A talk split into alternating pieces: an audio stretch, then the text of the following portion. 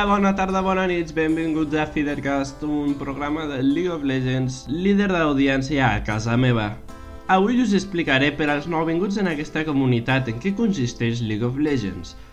També parlarem sobre el tema competitiu de League of Legends i després, com ja sabeu, tenim la secció de l'enigma de l'escarda, que és un enigma de League of Legends.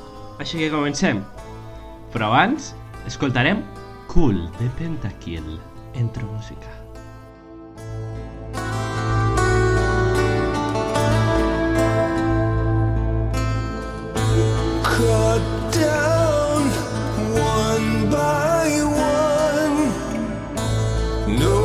sound remains. Don't fear if death finds you this day.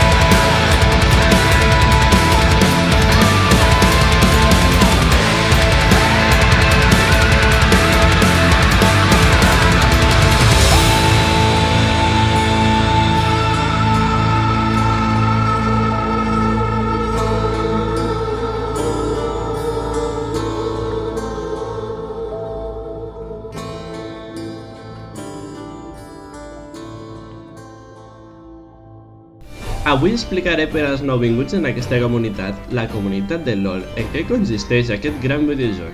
El League of Legends és un joc del gènere MOBA o arena de batalla multijugador online, com les seves sigles indiquen, i és dels pioners en aquest gènere tan explotat en els últims anys. En el cas de League of Legends, el seu mapa principal és The Summoner's Rift, que en català vindria a ser l'esquerra de l'invocador. Aquest mapa consisteix en tres línies principals, més una part de jungla o bosc que es situa entre aquestes línies i la zona de riu, que divideix el mapa en dos bàndols, el costat blau, que és el de sota, i el costat vermell, que és el de dalt. A cada extrem de dos bàndols es situa la font, que és on els cinc jugadors de cada equip apareixen i reapareixen quan moren, quan comença la partida o quan tornen mitjançant el record.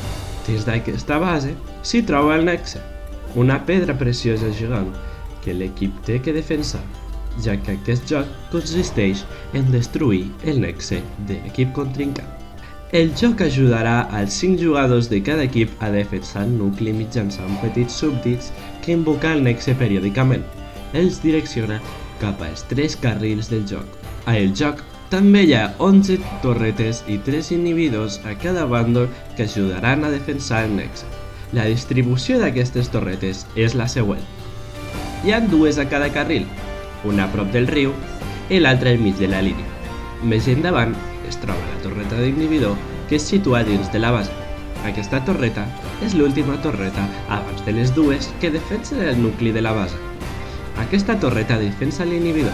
Al destruir un inhibidor, apareixeran súbdits més forts que t'ajudaran a guanyar la partida i et donarà accés a destruir.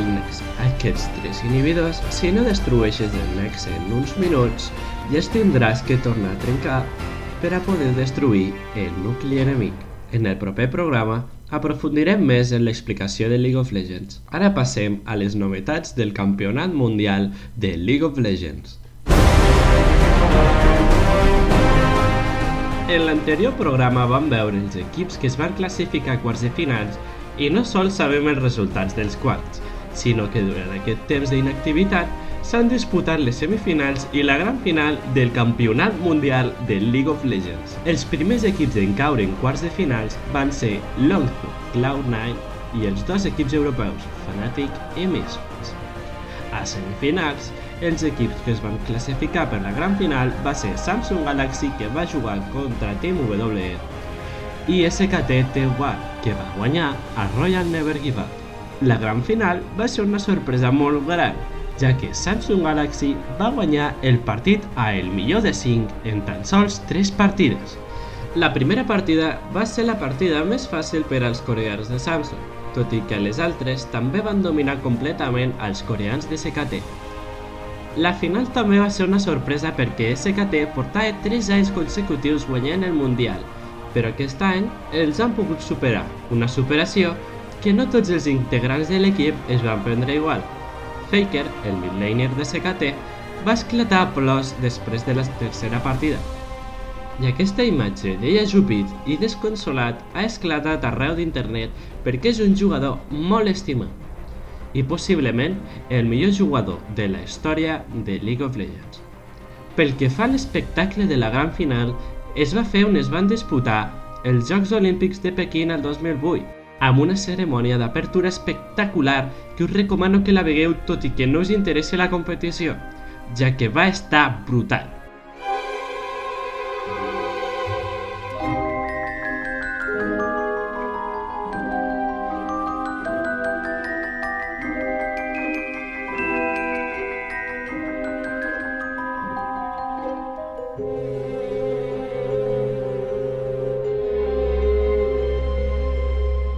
Benvinguts a l'enigma de l'Escarda i tenim guanyador de la setmana passada. Aquest és un noi de Cervera i es diu FrigoPoi22 i juga al servidor de EUWest. Com molt bé va adivinar ell i altres per Twitter via el hashtag EnigmaFidercast, l'habilitat de la setmana passada va ser la cub d'Evelyn, no la Evelyn antiga, no, la Evelyn Rework. El so d'aquesta setmana és un so que quan el sentiu teniu moltes, però moltes ganes d'estar ben lluny de la Teamfight. És un so que jo crec que, tot i que és recent, l'identificareu molt, però molt ràpid. Així que ens despedim amb el so d'aquesta habilitat. El so comença en 3, 2, 1...